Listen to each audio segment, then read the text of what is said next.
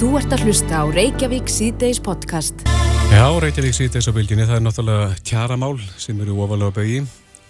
Ebli, eblingarfólk er í aðgerðum og um, það er nú svolítið sem að bera milli þar og kannski ekki lausnin í sjónmáli enn sem komið er.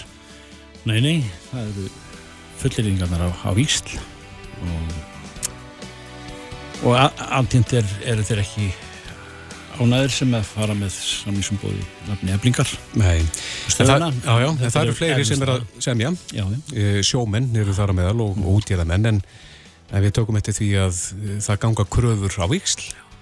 Eh, Sjómenn, þeir gera kröfur í 15 liðum á uh, útgerðamenn og útgerðamenn gera, já, gera kröfur í 19 liðum. Svarar að brakvi. Já, já, akkurat. En á línunni er valmöndur, nei, Nei, það er...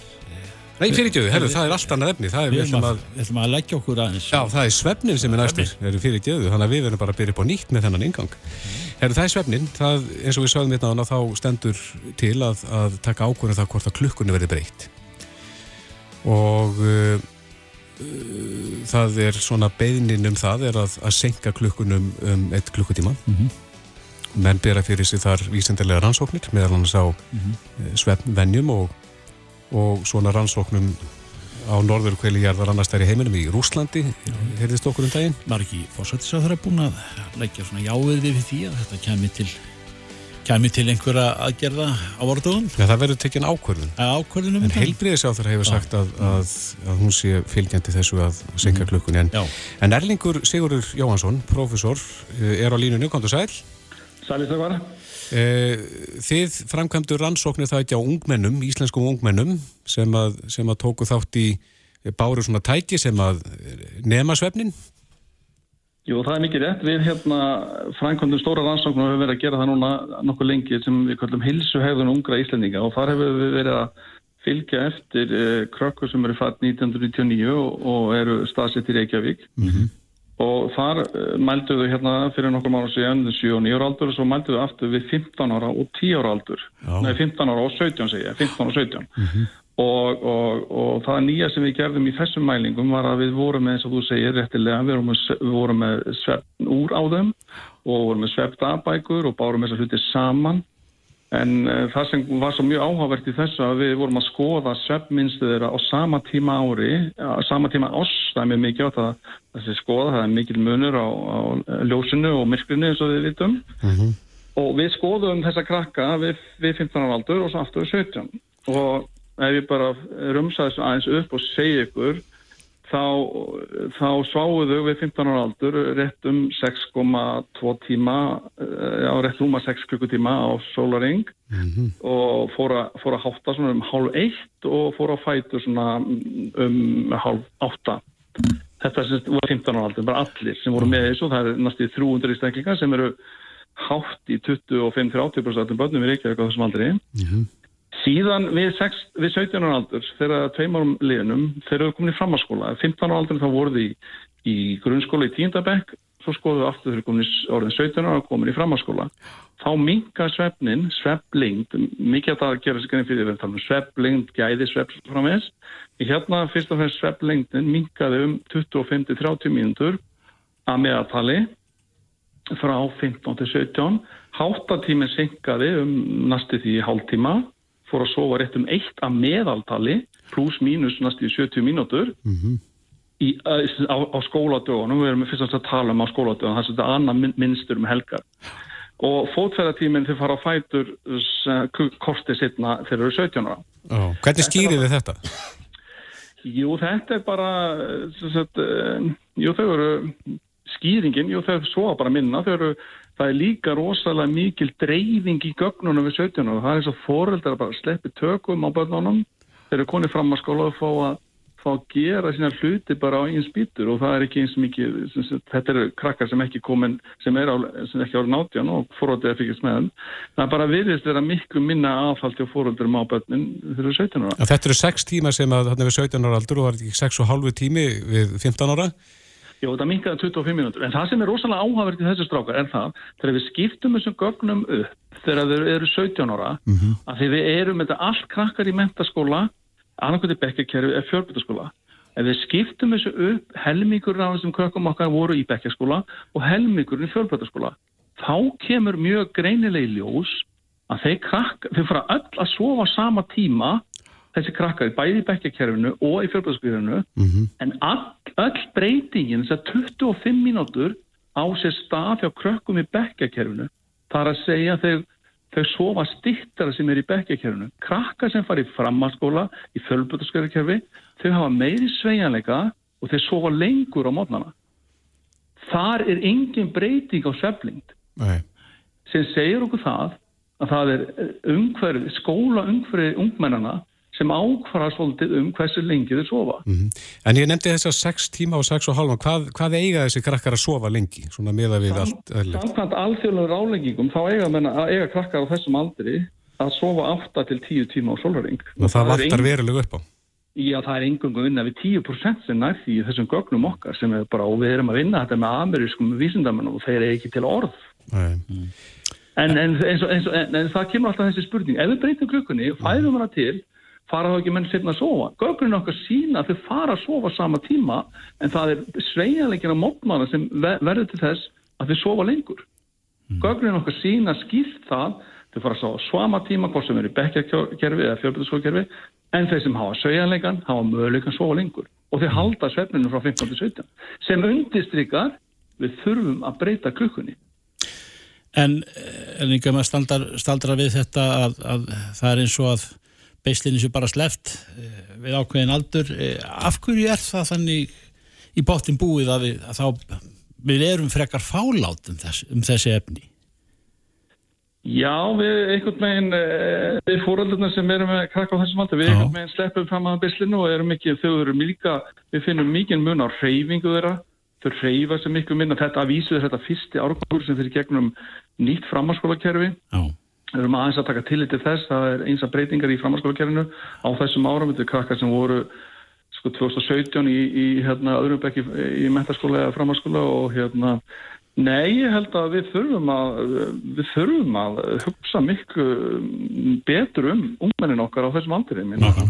Við sjáum bara tíni sjálfsvíga og alls konar hluta sem eru að koma inn í kjölfara þessa aldus og, og þú fjárfæstir þarna fyrir framtíðinu, þarna er mjög mikið að það sjálfræsta þessu sefnin mm -hmm. en við þurfum líka að mæta þessum, þessum ungmennum, við mögum það er vísindilega sannað að hérna, kynþórskan í, líkansklukun okkar kynþór, við kynþórskan á syngarinni þar að segja melatonin fyrir sittn á staf á kvöldin, við erum sittn að sifju, þess vegna þurfum við að svo lengur á mótnana margar amerískar ansóknar sína það að til, til að fá börnum til að standa sér betur í skóla þeir synga skólabyrjum þeir byrja klukkutíma setna, sumi skólar hafa nú þegar byrjar á þessu Þá kann einhver að spyrja Elningur hvort að það sé þá ekki nóg að bara senka eh, skólatímanu hvernig skólinn byrjar í staðin fyrir að breyta klukkunni. Jú, auðvitað það, myndi það hafa mjög sambarilega áhrif. Það er ekki spurning en, en, en, en ég held að uh, allan fyrir úlningana held ég að, að, að þau fara að svofa sennilega á sama tíma en þau svofa lengur og ef þau byrja að setja í skólan þá kefur það suma áhrif. Ég er alveg uh, hlutað til sammála því mm -hmm. en akkur ekki hafa klukkuna rétt eins og allir aðrir eru með hana. Ég bara spyr. Já, en eh, framkvæmduðu þessa mælingar þar sér munur á til dæmis eh, hérna, byrtustígi, Hvern, hvernig byrtustígi er, hvernig þið fara að sofa?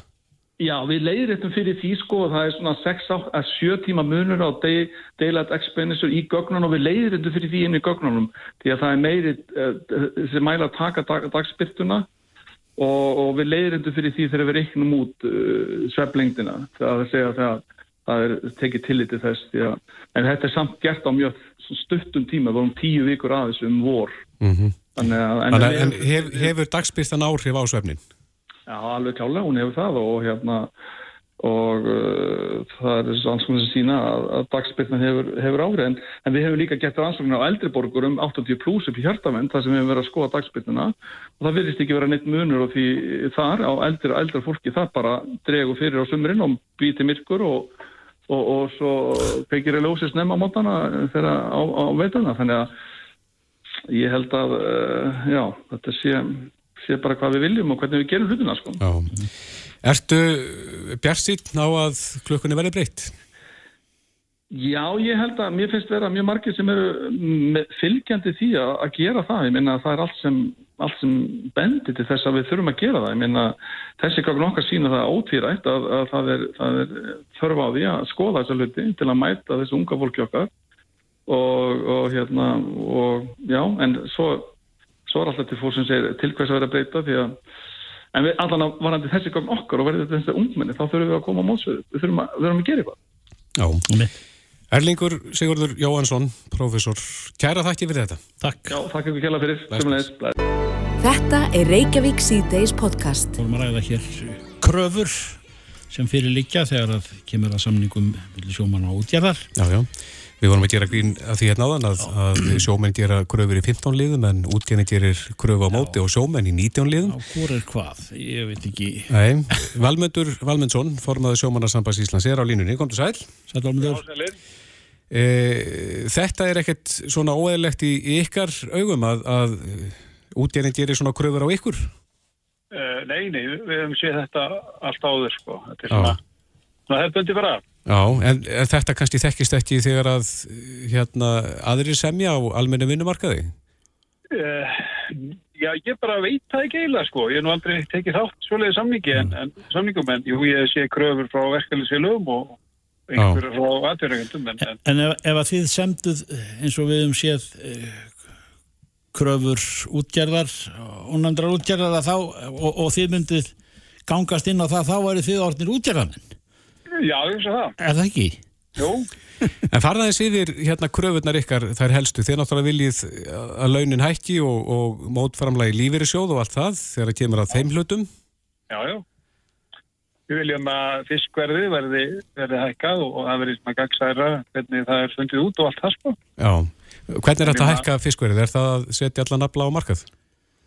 Já, til dæmis, en, en uh, við erum ekki beint með kröfu það, en við viljum að það veri storkað upp í þessu kerfi og það veri skoðað betur hvernig við getum gert það gagsæra og, og betra fyrir sjómenn.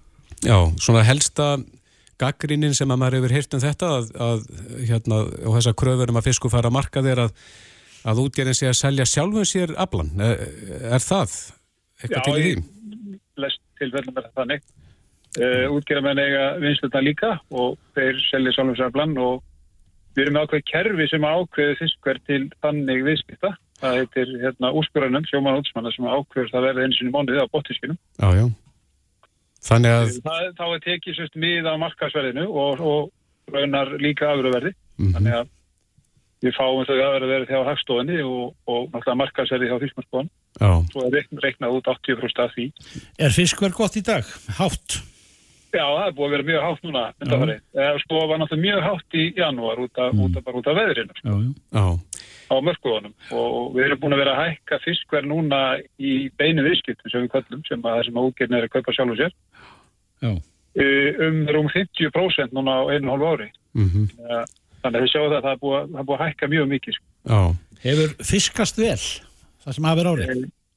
Já, Eða- það er þegar, þegar já, þá fiskast Það er vel. En Valmundur, það er svona uh, áhyggjur sem að við heyrum frá þeim sjómönnum sem við tölum við er, er uh, það að segja þessi uh, aukni kostnaður sem að sjómenn þurfa að leggja í Já, eins og til dæmis að, að þurfa að skaffa sín eigin öryggisbúnað eða fatnaðum borð, nei, það, það er ekki rétt. það er ekki rétt.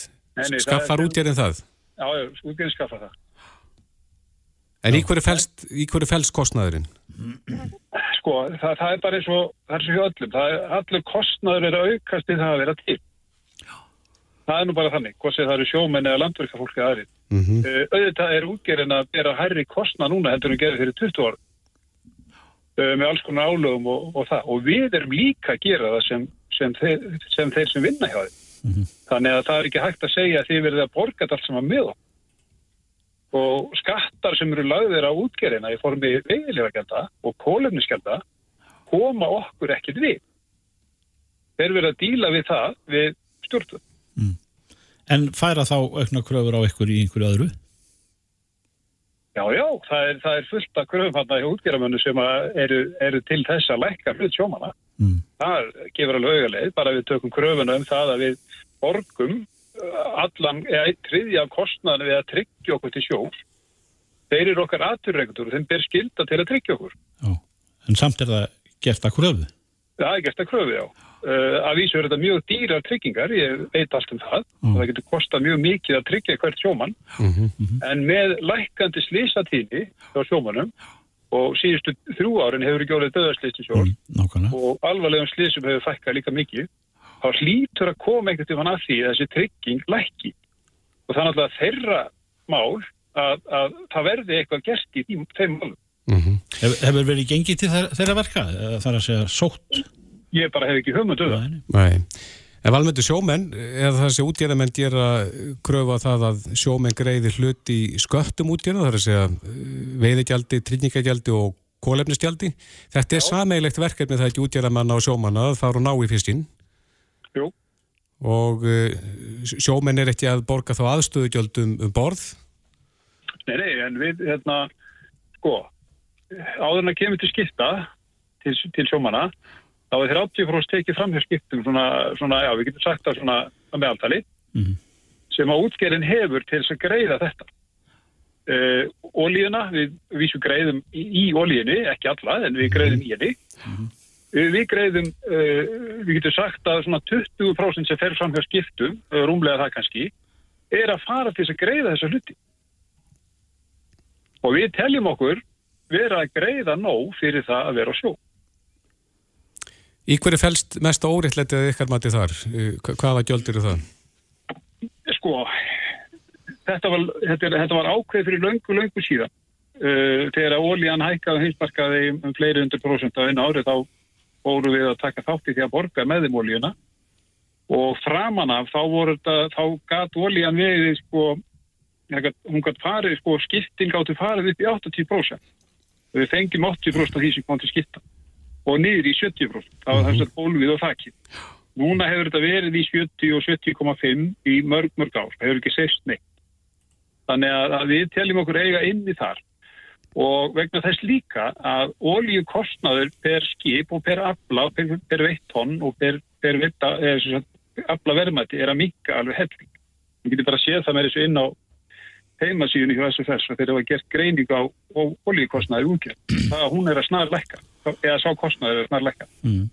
Þannig að við teljum það mjög óriðlátt að, að þegar það gera kröfu á okkur að við sem fara að borga fyrir það okkur kólefnisgjald og, og veiðileifagjald og, og einhverja skatta sem að stjórnvöld leggja á þá. Ekki, ekki hérna bættu þeir okkur upp þegar var tekin af okkur sjómanaftátti sem var skattalega aðgerð frá ríkinu. Mhm. Þeir hafa ekki bætt okkur það upp. Endur það inn á kröfunum okkar. Já. En- Er það regla að uh, áhafnameðleimir eru á abla hlut? Það er að segja, Já, við skiptum er þá hlut- frávíkjanleg krafa af ykkar hálfu? Já, við skiptum hlut með útgerðinu. Það hefur gert eiginlega frá öðru og valda, sko. Já, Við- en þeir, þeir vilja geta ráðið áhafnameðleimir sem sagt á öðrum kjörum heldur en abla Já, já, já, það kemur ekkert í greina. sko. Af hverju ekki? Af því við erum skiptum hlut með útgerðinni og það er ekki, ekki verið vilji til þess að breyta því. Uh, við höfum bóðið upp á það, menn fari bara þá á tímakaup, það verður bara mælt til að vinna. Uh, það verður ekki verið vilji til þess heldur. Því að menn vita það að þú ert á sjó, þá ert í vinnunni 24 tíma sólring. Það er líka betur að vera, þú getur ekki annað. Og það þarf að meta það til verðmæta líka, sko. ekki bara unnin vinnutíma. þú nefnir kólefni skjald og, og, og svona, auknar álögur frá hennu opinberra og, og í ljósi bara tíðarandans eins og eins og þetta nafn er með sér er, er flotin hvergi í neinum orkuskipta fasa? Eh, jú, það, við getum eiginlega sagt það, eh, til dæmis þessi nýju skip sem er að koma núna, Já, uh, þetta tekið eitt dæmi, uh, já, það eru tvö nýskip sem eru, hann heiti Breki og heiti til Páll Pálsson, Breki er í Vestmanægum og Páll Pálsson í Hýstal. Mhm. Þetta eru svona 50 metra tógarar, svona, svona starri gelinni getum við sagt. Mm. Þeir eru með alveg risastóra skrúur, uh, tóskrúur sem eru gýraði neyri í einhverja 70 snúninga eða eitthvað svo leys og þeir toga miklu betur heldur en samberðileg skip. Þeir geta dreigið tvö troll í einu og fiska næstu því helmingi meira heldur en tvö skip gerðu, eða eitt skip gerði áður, þeir eru að leysa raun að vera af tvö skip. Þess að eh, eitt skip, eh, bara, það voru tvö skip áður sem fiskuðu þegar nafla sér þeirra fiska. Aukin hægraðing í orkunótkun Samt eru þeir að eigða mjög lítið meiri ólíu heldur en tvö skipin gerðu. Já, já. Saman. Og þetta styrtir túrin vantarlega? Já, já, það. Já. Einmitt. Eh, Eitt hérna þessi lókin að því að eh, ein af kröfum útjöðamanna hérna sem að við rákum augun í er, er eh, svo að sektir fyrir brot og kjærasamningum verði feldar niður. Já, Hvernig hérna leggst þetta í ykkur? Já, það kemur bara ekki til greina. Þetta er bara aðhald sem við höfum og hérna, við erum mjög sparlega beitt þessu ákvæði. Ekki fyrir inn í fullan hefana, ég er fullir það. Á síðustu árum er þetta verið mjög sjálfgeft að þetta sé gert, en þetta hefur fælingamátt, klálega. Ég þekki það sjálfur bara sem uh, því ég var formaður skjómanafélis Vjöldrúð Vestmanneim að þá þá bara höfðu menn þetta þess að svipu yfir haustum á sér að hefði voruð að brjóta kjærasamning þá hefur leiði til að ykkur og, og, og, og þetta, þetta hefur fælingamátt og akkur ekki að hafa fælingamátt sem að betur menn til að fara lögum og reglum og kjærasamning Já, akkurat. Egið þið voru á hörðum uh, það veit maður svo sem ekkit um en, en jú, jú, með að við kröfur þeirra og okkar að þá, þá verður örgulega harkan sex í því eins og vennilega Er þið ekki alltaf í þeim spórum? jú, jú, Manni finnst það einhvern veginn En ég íteka það, þetta eru kröfur sem við höfum séð allar áður Já, og, já, já. og þeir eflust okkar og svona er þetta bara. Ekkert nýtt í þessu. Nei, Eh, Valmundur, Valmundsson, formaður sjómanarsambands Íslands, takk fyrir þetta. Takk Takk fyrir því, er svo. Þú ert að hlusta á Reykjavík C-Days podcast. Það þarf ekki að fara mörgum um það að strætó hefur mikilvæg hlutverki að gegna í samgöngum, hvað sem raular og tautar um, um uh, orkuskipti og, annað þar sem undir göttunum en við njótum um það að nú vil uh, strætó eða höfður menn þar ráðandi menn þar á bæ Jóhannes Rúnarsson, frangatastjóri að uh, vil að miðalausir menn farþegar laumu farþegar eða þeir sem ekki á að borga far, þeir verði sektaðir Já, eins og týðkast við Ælendis og Já. þeir þekkja það margi sem hafa verið um borði í lestarkerfum til dæmis í Kaupanöfn að, að þar þarf að vera með miða og þú getur verið gripinn glóðvolkur. En eh, hefur það ekki verið leifilegt? Hér, Mm. að sekta, Nú, ég held ég ekki, ekki nema þá bara með því að ringja í laurugluna en, en hvað segir Jóhannes Rúnarsson, uh, Sæl? sælir. Já, sælir. Hve- Hvernig gæti þessi heimild litið út og hver ætti að hafa hana? Eh, Þetta geti bara litið þannig út að setja inn í lög eh, heimild til handa eftirlismennum eh, að sekta það farþega sem að greiða ekki rétt farkjald í, í strætó. Mm. Þetta myndir menn bara leita til svona nákvæmna landana, norðurlandana Mm og sjá hvernig fyrirkomulegði þar. Er það þá fólk sem er að smikla sér inn bakdýra megin eða slíkt? Ég þetta er bara allir þeir sem greiða ekki rétt farkjald, hvort þau eru ekkert eða eru með falsaða miða eða, eða eina greiða, greiða á mikið eða eru að nýta sér afslattar farkjald sem þeir eru ekki rétt á. Hefur einhverja hugmyndu um hvað það gæti verið prósentum talið af heldar farþegafjöldanum sem að koma svona fram? við erum með mjög svona kannski frumstætt fargjaldakerfi eða sem þetta gengur allt út á svona miða og peninga og, og svona pappakort svolítið. En við erum svona verið að skjóta á með að við svona reynslu annar að þjóða þetta áður en þau fórust ekki í svona fyrirkomuna. Þetta gæti verið eitthvað að byrjum 20-25% af tekjum okkar og, og við erum með tæpa 2 miljardar en við erum að tala um ansjálf sem er svona í, í það ídrætt. Þetta gæti verið eitthvað við svona giskum að kannski eitthvað kringu 300 miljardar. Já, það er það er um ræðandi hvernig verður hægt að ná í þá penninga Já, já. já. En þetta væru þá eftirlitsmenn segjuru sem að væru þá að hoppa í og úr vögnum og, og svona koma kannski svolítið fólki að óverum. Já, já, já, þess að þeir eru alltaf mertir sko, þeir eru Já. bara vel mertir en þeir eru þá að taka svona stikkpröfur og, og bara fá fólk til að sína sér að þessi með gildan miða og eru til, er með til að, tækja. er, er, er, er það aðferðin á Norrlöndunum til dæmis? Já, það er svona aðgrið með norðurlöndum og þú getur svona, það er borga á staðnum eða eða byggja það svona heim á bankan. Já. Hver, hver, hvernig gæti, upp á hvað gæti sagt einn hljóðað? Uh, svona með, með, meðal norðurlöndunum þá er þetta svona eitthvað í kringu 10.000 krónur. Þetta er svona, já, þetta er svona í kringu það og við sjáum það líka bara í Evrópu. Eitthvað starf að byrja svona 8 til svona kannski 15.000 krónur. Já, Þannig að það er svona eitthvað svona ræði, þannig að þetta er svona kannski til að fæla fólk frá því að reyna þetta. Þetta er ekki hugsun sem er tekjulind, þetta er bara svona kannski að það sé eitthvað viðlega því að reyna. Já, svona svolbarkoruna, já, Mhm. forvart svolítið. En uh, þið eru líka velta fyrir ykkur að taka upp nýtt uh, greiðslukerfið, ekki? Jú, þetta er nú eiginlega svona kannski verður svolítið samhangandi að við erum núna að fara í svona rafrætt greiðslukerfi þar sem að þú er það bara mjög þetta kynjara og þá er orðið þessi minni, minni svona auðkenninga svo þetta er þá þarf vaksturinn að tekka á þessu. Mm -hmm. hann getur það alltaf svona í ykkur tilvægum en stundum eru maður ekki að fara inn og þá, þá þú derfir sér hann en þarna er skynjari sem lest og, og segir hvort þú sért með fargjald allavega en hann tekur svo sem ekkit ykkur á því hvort þú ert að borga rétt fargjaldið ekki. Og, og þá er, er orðið miklu einfaldar að aðtúa hvort að við komum til þannig að þetta er svolítið svona samhangandi Já, aðeins ef við hoppum af- aftur í hérna eftirlitsgjaldið og, og þessi, þessa sekt a- að koma svona eftirlitskerfi á, Hva, hvað myndi það kosta? Það þyrfti vantilega að ráða þá starfsmenn og Já, við, það þarf ekki vera. Við erum ekki svo sem, ekkit endilega vist að við myndum fjölga endilega, sko, þeim sem er í þessi dag. Við erum með eftirlismenn, en þeir hafa bara enga höfumil. Og það er ekkert sterkið að við þurfum myndum að fjölga, en, en við getum auðvitað að tekið svona kannski styrk pröfu átök og þá tekið við kannski einhverja svona, alveg þá einhverja svona aðeins frá Securita sem verkismyndin eða þess að það fyrirtæk. Fengið þá til þess okkar í smá tíma og svo, svo hérna, bara okkar heitir með eftirlismenn sem er í dag. Já. En eh, enn aftur og öðru að nú að tala þegar að kemur að strætó eh, þið náttúrulega eru partur á orkuskiptum aukutæki almennt en ég las gamla grein sem ég rakst á, á byðstofu sem að fyrir ekki mörgum missum var verið að tala um vettnisbílavæðingu strætó. Er það fyrir bí og er, er, er metani komið inn á inn á sjáin miklu sterkar? Já, við sagt, fórum í svona rannsóknar tilhörnaverkefni sem var á vegum Európa-samfélags og við fengum bara allt, allt á háverði þá vettnisvagnar sem voru bóðinu út þannig að við hættum við það verkefni. Uh, við höfum verið með vettnisvagnar alveg síðan 2006 og keftum núna tvo nýja uh, í lóks síðan stáð og við erum að prófa bara hvernig þeir koma út.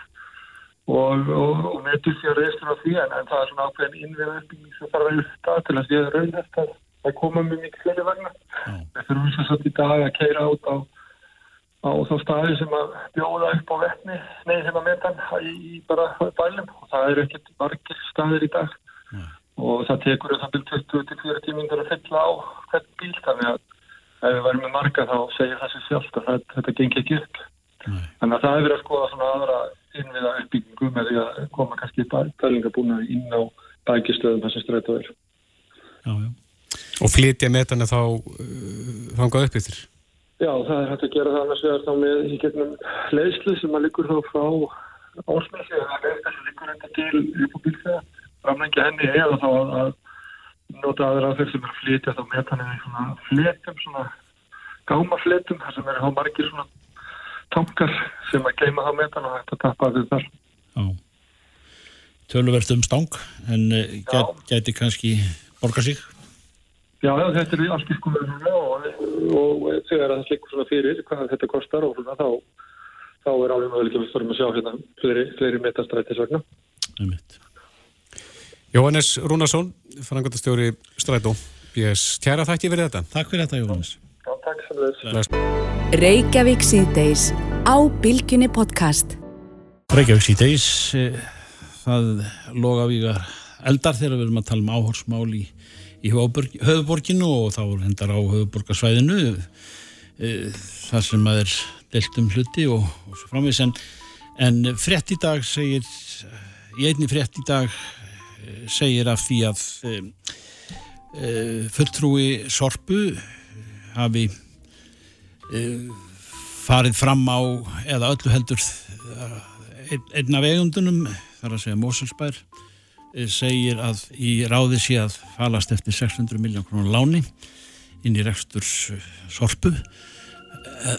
Ellegar fyrirtæki sé falít gjaldtróta Eh, þetta var reyndar borið tilbaka af einhverjum sem að ég þekki ekki en, en eh, við gerðum tilum til þess að, að ná í einhverja úr, úr, úr stjórninu en það tekst ekki og það hefur nú yfirleitt verið erfiðum, erfiðleikum háðað að fá upplýsingar um þetta mikilvæga fyrirtæki sem hefur nú leitað eh, eftir góðvild samborgarana hér á öðuborgarsvæðinu til eigundanna og, og fólks og við lifum breytta tíma í umhverfismálum og svo framvegis en, en það hefur einhvern veginn hallað allt á, verri veginn hjá sorpu, það verður bara að segjast eins og er og, og, og skemst er að minnast e, e, einhverjum miljardi eða tveimur sem að glemdust til þess að kom upp einhverju brennslustöð, ég ber ekki skimbra á það en, en e, það er sjálfsagt hluta þessum e, 600 miljónum sem að einhver staðar að er beðið um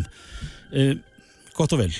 Eithvar Arnalds hefur, hann er ótvitið sjálfstæðismanna í, í Reykjavíkuborg og borgarfulltrúi og hefur kallað eftir ímsum betrum bó, bótum hvað var það sorpu og, og ekki síst núna upp á síðkasti þegar búið er að reyka framkvæmtastjóran og, og svo framvegist fyrir gefið að ég, ég tala í svona halgjörnum getgátum að því að maður er svona kannski lesið þetta hist og her en ekki náð tali svona ráðamönnum þarna á þessum bæ.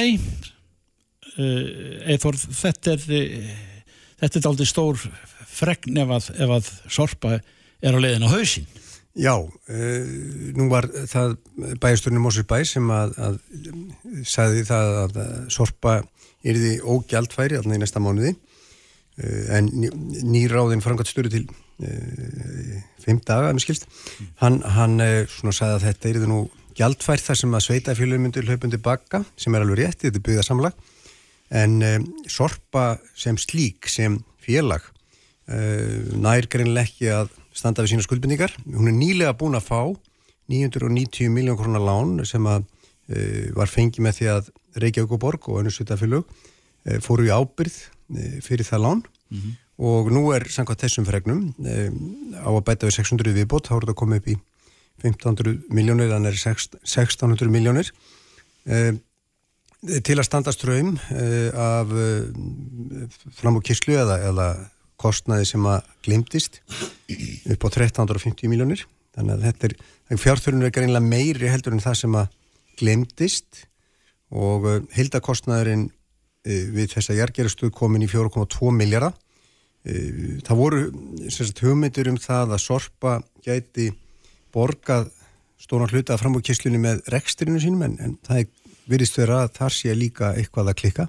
En uh, við fáum kannski betri fregnir á þessu mánudagin þetta var svona, þetta var svona fórfritt í raun og veru, það sem að þá að kynna þetta eigandum núna til helgi. Upphittun? Já, upphittun, já, lag út. Já, að, að, að þessar 600 miljón krónar lántaka komið til sögunar já. og til þess að forða þessu frá já. fram að brunni Akkurat, þetta er svona, má segja neðarlán þá numur 2 mm. um, það sem að við erum að horfa á að því að við erum hérna í borgarstjóður Reykjavíkur að uh, þetta er dóttufyrirtæki Reykjavíkur mm -hmm. Reykjavík er lang, lang stærsti eigandi þessa fyrirtækis Hvað, 75? Já, um, um 60% eigandi sem stoppsamlingi, þetta fyrir líka eftir íbúið tölu, en e, það er Reykjavíkuborg sem hefur þar með flest atkvæði stjórn og svo framvegs e, og við höfum séð það í framkvæmdum inn í borgin eins og Brækkin og fleiri slík mál sem voru hérna, innan borgarinnar hjá dóttu fyrirtæki með svo félagsbústum þar sem einmitt var stórkosleg framókjæsla án heimildar og frangatstjórin hætti e, og svo núna sjáum við þetta með sorpu að við erum að sjá þetta aftur og aftur að e, fjár, fjárheimildinar standast ekki mm. og reikningurinn er sendur til e, borgarbúa mm. En, en þessi einn eða tveir miljardar sem að fyrir hugud brennslu stöð er það rétt hjá mig? Já, þetta, sko, það var nú áformum um að samanast þarna kölku sem er brennslu stöð en, en þessi framhugkesla varðar hérna semst jarðgerastöð mm. sem að á að minka urðun en uh, þessi uh, í raun og rás er sorpa bara á, á tímabundu leifi á að hætta urðun það sem er núna mm -hmm. og hugmyndi var að minka urðun með þessari stöð uh, hvernig hún gengur í framtíðinu vitum við ekki um en mm -hmm. það sem við vitum er það að framkvæmdinn hefur farið upp böndunum og sorpa getur ekki náðendum saman mm. Er þetta, þessi óráðsíja er þetta, eru að margið að, að vasast í þessu eða, eða, eða eru að fáir sem að nenna því? Já, eða sko, hvað hva, hva, það, það er, er svo primitíft og það lætur allavega þannig í eirum að, að þetta hafi farið alvarlegu böndum á þess að ja, menn ráðandi öll hérna á höfuborgarsvæðinu hafa bara sínt þessu fáleiti Já, auðvitað eru sko, minni sveitafélagin hérna í kring sko treysta trú ég á uh, Reykjavíkuborg sem er langstæst eigandin að stóri eigandin passið alveg svo Reykjavíkuborg er leiðandi orkuvutunni mm en uh, það er bara eitt fulltrúi hverju sinni mm. frá Reykjavík borg, frá meiri hlutanum inn í, í, í stjórn sorpu en það vantaði ekki eftirlitsælana en það er alveg stórundalegt að það er ekki bara fram á kjæsla heldur glemdust alveg fjármunir upp á næri 800 miljónir fyrir tækjabúnaði sem að hafi verið gert ráð fyrir. Það bara týndist það með ára.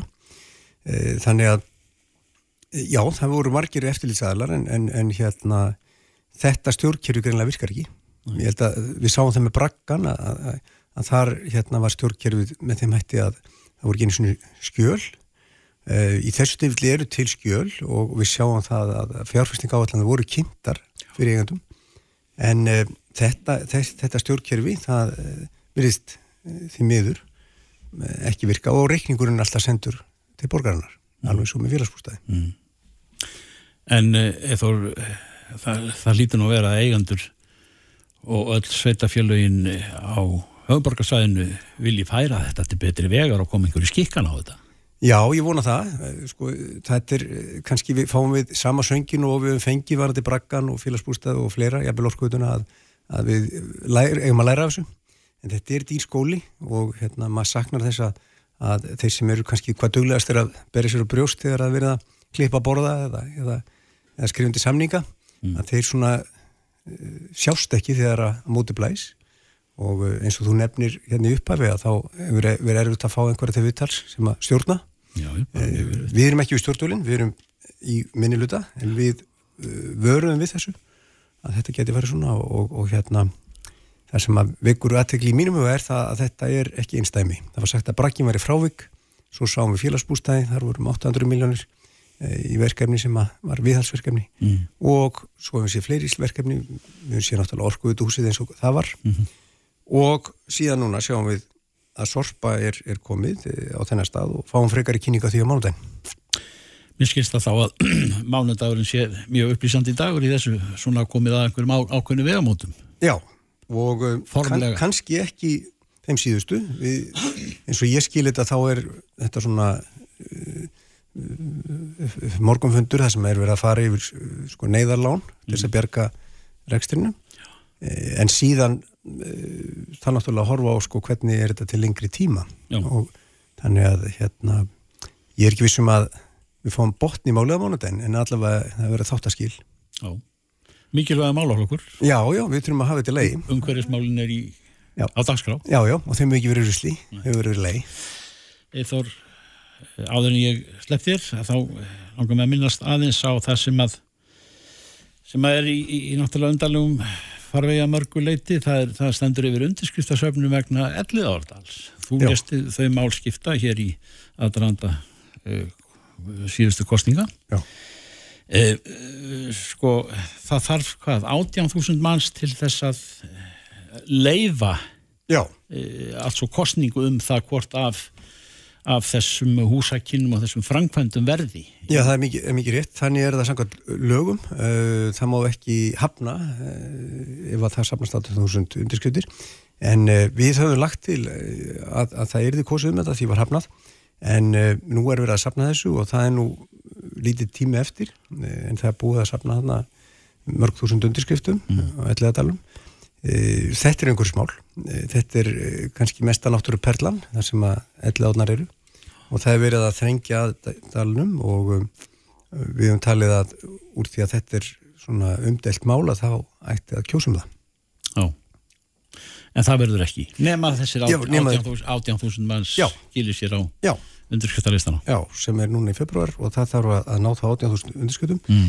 Um, það hefur verið kosið um skipilags og umhverfismál um, bæði Hafnafjörði, Árborg og Reykjanesbæ.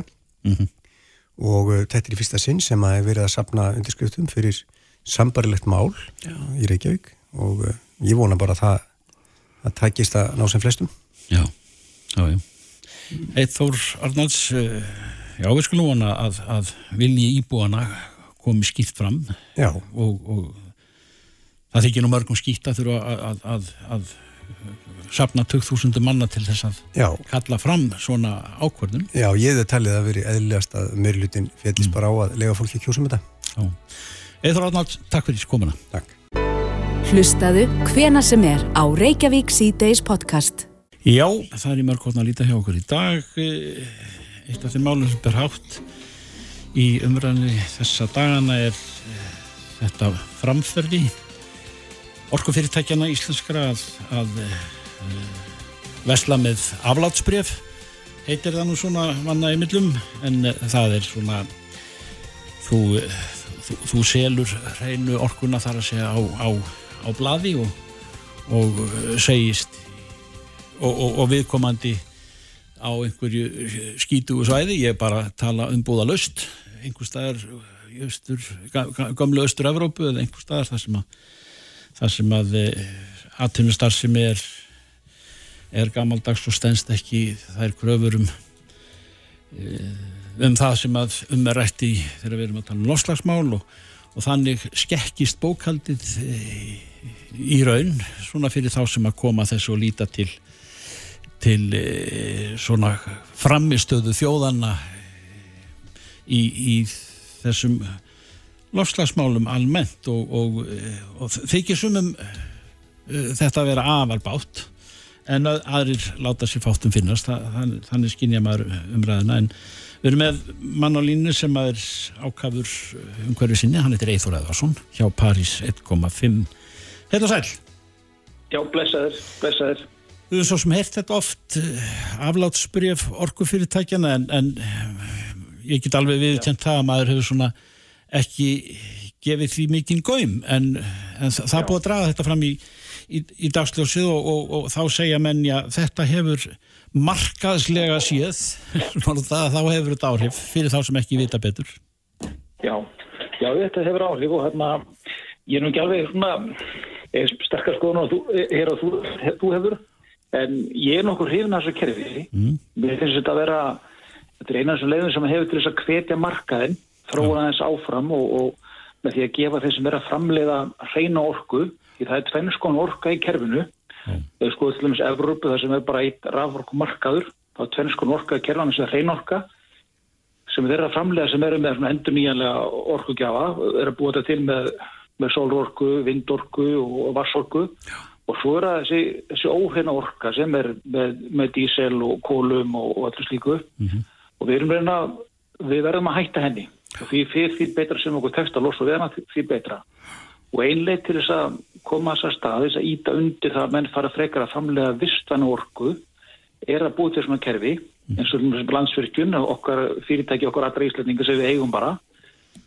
Þeir ber ábyrða því að framlega fullt orku í Íslandi og þeir geta út svona uppbrunna ábyrðir það er að segja staðfest að, þetta er ákveðin tegund af orku sem er bara hrein og þeir fá borga fyrir þetta. Mm. og síðast árið skila þetta næstu í miljardi í yrkistessan hjá okkur. Já. og þetta er aldrei að skila okkur tekjum.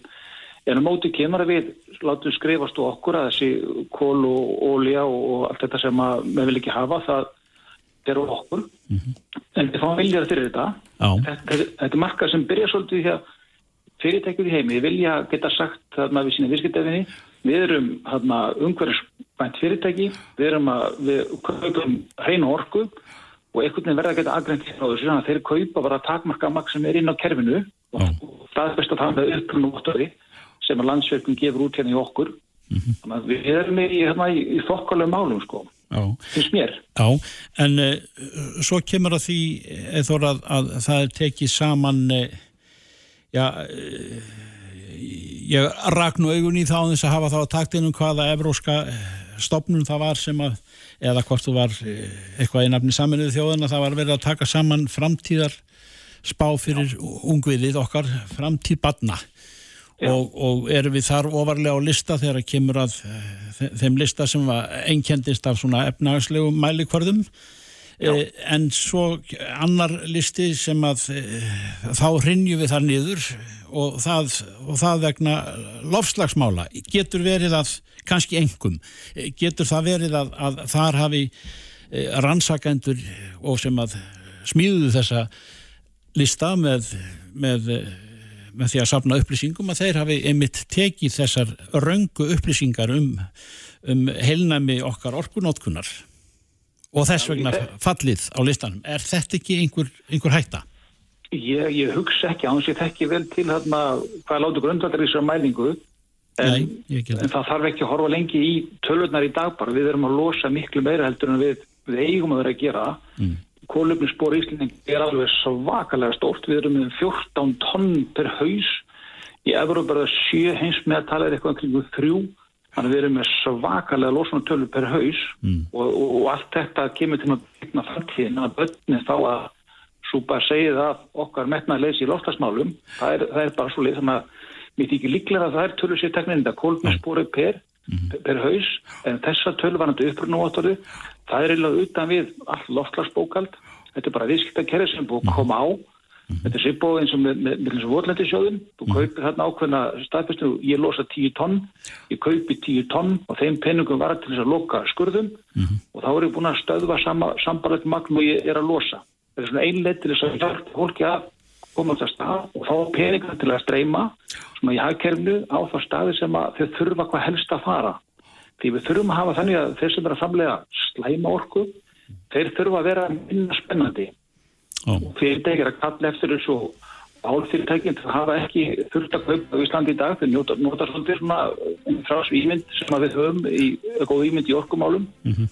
og þau hafa sloppið veð sko og kveiku var náttúrulega bílið að skjóta á það þau eru að flagga svolítið okkur ímynd. En á næsta ári verður það strángara og þá þurfa fyrirtæki að geta sann, sannaða að þau séu að kaupa uppröna og vottaða vöru þessi orkuna. Mm -hmm. þannig að þetta er alltaf að koma þetta er alltaf streymir rétt á. Já eh, Sannari mynd af þessu og þá minkandi líkur á því að, að menn geti misnotað óaðvitandi svona já, bókald þá, með, Já, þá meðum við ekki segja eftir með þarna hrein orku eða framlega vöru sem byggt á hrein orku. Mm. vöru sem geta sínt fram á það já, frá þar til bærum aðlum að þetta sé sannlega rétt að tegunda orku. Já og, við, hérna, og þetta er það sem er að gerast í Árabu Danir er bara að flytja út orku í stórun stíl, þeir eru engin fallstönd þeir eru bara með vindmjölur og það saman með skotana, þeir eru að flytja út orku þannig að það er rosa þrón í þessu. Og allt ítir þetta undir að menn fara að framlega góða orkin og kerfið því það er fáið með meiri pening fyrir það. Flókin business en Eithvar Eðarsson hjá París 1.5 ég kaupi allt sem hún segir. Ég veit vissi ákvæmlega lítið fyrir um þetta mál. Um aflátsbrjöf orku fyrirtækjana Takk fyrir þetta. Já, já. Aftur svo maður. Þetta er Reykjavík C-Days podcast. Jæja, klukkan fann að ganga sjö og uh, við ætlum aðeins að skrepa út í göngu en uh, nú er sól tekin að hækka lofti mm -hmm. og það þýðir það að fleiri eru fannir kannski að svona eiga á meiri útvist Já, það er, alls, það er ekki allstað sem þetta vonda veður sem er kannski fyrst og reynst kvassviðrið sem að hefur strykir reikningarna að því hafi fyllt íkja mikil snjór þannig að það er svona snjóljætt sem staðar. Já, já, og maður, maður rekur í róastans að líta þar yfir en þá er líka komin möguleikja á því að fara þarna léttilega yfir land Einmitt. á gunguð að hlaupa. En það er líka spurning sko fyrir þá sem að vilja fara að drífa sér að stað og alltaf byrja, eitthvað stað þarf að byrja. Hvar, mm. hvar á að gera það? E, á línunni er hann e, Tómas Þór Verusson hann er æfintýragarpur og fjallarleðsugum aður, kom til sæl. Sæl Tómas. Sælstokkar Já, hvernig er best fyrir fólk að byrja? Hvar ákverju þarf maður að byrja? Hver er svona nöðsynlegu búnaður? Sko, um þessar myndir, nöðsynlegu búnaður eru góður gungurskór, góður hlýðafatnaður og svo bara koma sér út. Já, og það er það, það eina sem þarf? Já. Já, í raun og veru. Við erum með svo mikið af góðum gungulegum hérna í kringum okkur á höfuborgarsvæðinu. Eru það mertar? Það eru mertar og stikar með góðum bílastæðum og ég veit ekki hvað og hvað og uh, þannig að það er ekkert mál að finna einhvað við sitt hæfi, hvort sem maður er algjörbyrjandi mm á mhm. leiðinni á, á úlvarsvell eða vil fá aðeins meira kikk og, og, og fer á esjuna eða eitthvað þess áttar. Og ekki íkja mikil snjór? Það er ekki íkja mikil snjór núna, það er eh, búið að blása ansi mikið hérna á okkur undanfarið. Mm -hmm. Já, akkurat. En uh, þú segir það er skór, hlýðarfatnaður en, en uh, svona öryggistætjum ef að mann vilja hafa vaði fyrir niðan sig? Já, þá náttúrulega mælum við alltaf með yllumis, uh, eh, í hálkun yllumis núna er, uh, verður maður að vera með uh, gungubrotta mm -hmm. sem er þá bara svona litli brottar sem að smegjast á gunguskóna og þá nær maður góðu greipi e, svo náttúrulega ef maður er að fara í, í einhvers konar veður og, og smá óvissu þá verður maður alltaf að vera með, með GPS-stæki og gott að skilja eftir einhvers konar ferðarplan ég kalla það að vera með með ábyrðar aðila, það er að segja maður sendir vinið eða ættingi SMS, lætir vita hvert maður fyrir mm -hmm. og sendir síðan annað þegar maður kemur niður. Ja, þó að það sé bara upp á Ólarsvell? þó að sé upp á Úlósell. Ég ger það sjálfur og hef gert það núna undanfærin Já. ári og vinn sem að færa alltaf SMS frá mér. Þetta var mjög umtalað með skosti já fyrir all mörgum árum hefur þetta batnað þar að segja tæknin hefur náttúrulega sjálfsögðu gjörbreyst en, en láta menn vita Já, sko, bæði hefur tæknin breyst og líka bara þessi, þessi vitund okkar um að fjöllin þau, þau geta, geta verið hörð, sama hvaða fjall það er og, og e, það getur komið vindur og lí- lítið skegni á úlfasöll eins og, eins og öðrum fjöllum og þá er betra að hafa þetta alveg hreinu heldur en að vera að vaða út í einhver óvissu. Já, akkurat. En hvernig breytist síðan búnaðurina því að nú eh, fer að glitta í vorið þá vantilega breytist búnaðurinn sem þarf að hafa með? Já, búnaðurinn hann léttist með veðrinu. Hann, uh, gönguskónir verða léttari, uh, þeir breytast í, í hlaupaskó þannig að maður getur farið hraðar yfir. Fatnaðurinn fer úr því að vera dúnfatnaður í að vera léttur, létt flýspeisa eða göngubuxur Mm og þannig að það mætti segja að fatnaðurinn sjálfur hann léttist með, með léttara skapu og léttara veðri. Já, en þetta er hrikalega góð hreyfing það er að segja að þú er, menn eru þarna að lappa bæði upp í móti og í móti og, og svo náttúrulega allt hreina loftið.